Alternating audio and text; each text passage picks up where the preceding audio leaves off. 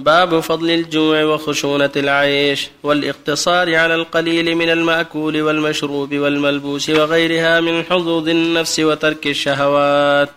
قال الله تعالى فخلف من بعدهم خلف أضاعوا الصلاة واتبعوا الشهوات فسوف يلقون غيا.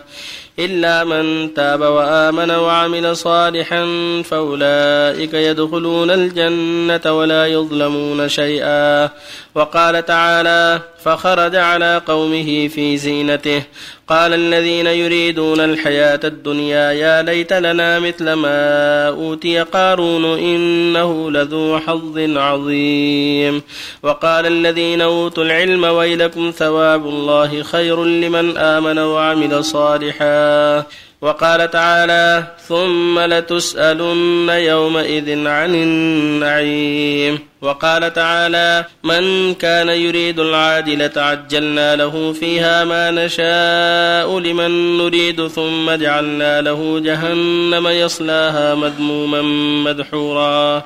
والآيات في الباب كثيرة معلومة. وعن عائشة رضي الله عنها قالت ما شبع آل محمد صلى الله عليه وسلم من خبز شعير يومين متتابعين حتى قبض. متفق عليه. وفي رواية ما شبع آل محمد صلى الله عليه وسلم منذ قدم المدينة من طعام البر ثلاث ليال تباعا حتى قبض. وعن عروة عن عائشة رضي الله عنها أنها كانت تقول والله يا ابن أختي إن كنا لننظر إلى الهلال ثم الهلال ثلاثة أهلة في شهرين وما أوقد في أبيات رسول الله صلى الله عليه وسلم نار. قلت يا خالة فما كان يعيشكم؟ قالت الأسودان التمر والماء. إلا أنه قد كان لرسول الله صلى الله عليه وسلم جيران من الأنصار وكانت لهم منايح وكانوا يرسلون إلى رسول الله صلى الله عليه وسلم من ألبانها فيسقينا متفق عليه. وعن سعيد المقبوري عن أبي هريرة رضي الله عنه أنه مر بقوم بين أيديهم شاة مصلية فدعوه فأبى أن يأكل. وقال خرج رسول الله صلى الله عليه وسلم من الدنيا ولم يشبع من خبز الشعير. رواه البخاري. بسم الله الرحمن الرحيم. الحمد لله. وصلى الله وسلم على رسول الله وعلى آله وأصحابه. أما بعد هذه الأحاديث وما جاء في معناها كلها تدل على أن ينبغي المؤمن ألا يكون همه الدنيا وزينتها ومآكلها ومشاربها بل ينبغي له أن يعد للآخرة لأنها هي الدار. أما هذه الدار فهي دار الامتحان ودار الابتلاء ودار العمل. فينبغي المؤمن أن تكون الآخرة أكبر همه وأن يعنى بها وألا تكون هذه الدنيا هما له في زينتها وزخارفها ومآكلها ومشاربها ونحو ذلك. بل يرضى بما يسر الله وإن اتجر وعمل فلا بأس كما اتجر الصحابة واتجر الأخيار ولكن لا تكون أكبر همه. ولا يشغل بها عن آخرته فقد ذم الله من فعل ذلك كما ذم قارون وغيره من شغل بالدنيا عن الآخرة. كلا بل لا تحب بل تحبون العاجلة وتذرون الآخرة. المؤمن لا يحب العاجلة حبا يشغله عن الآخرة. أما إذا طلب الحلال هو اكتسب الحلال فلا بأس. كما قال صلى الله عليه وسلم احرص على ما ينفعك واستعن بالله. يا رسول أي الكسب أطيب قال عمل الرجل بيده وكل بيع مبرور. وقال أن يأخذ أحد حبله فيأتي بحزمة من الحطب على ظهره فيبيعها فيكف بها وجهه. خير له من سؤال الناس أعطوه أو منعوه.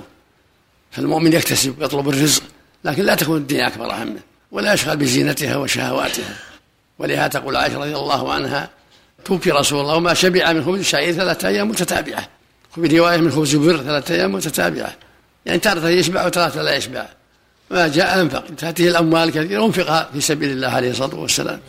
وتقول لا قد مر هلال ثم هلال ثم هلال في الشهرين. ما أوقد في أبيات النبي نار.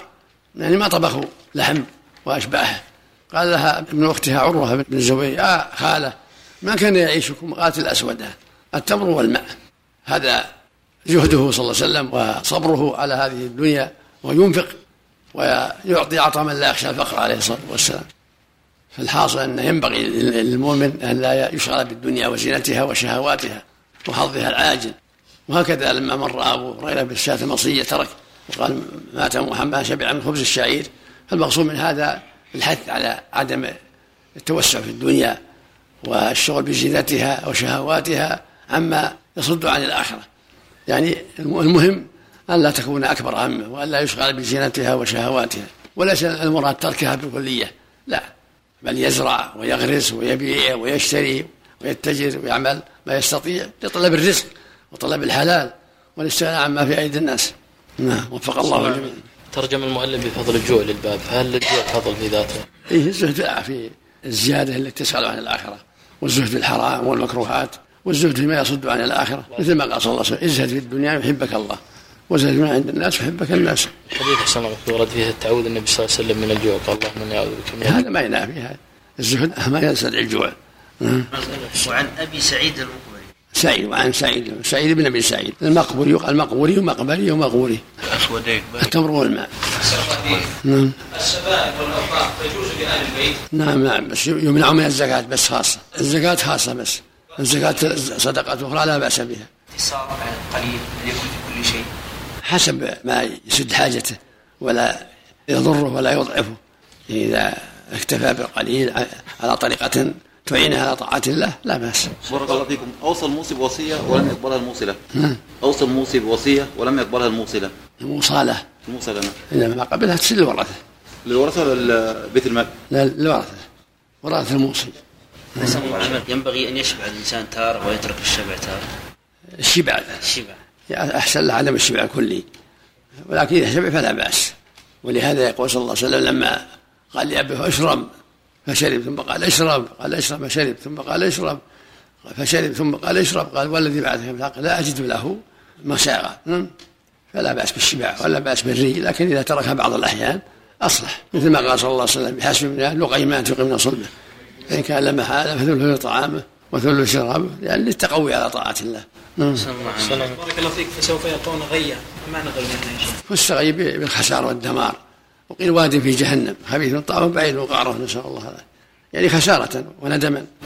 شيخ بارك الله فيك. حكمة من تسميه التمر الماء بالأسود؟ وعلى شكل الاسود لا من الظاهر والله أعلم من باب التغليب. من باب التغليب. الأسود من باب التغليب. للتمر الأسود.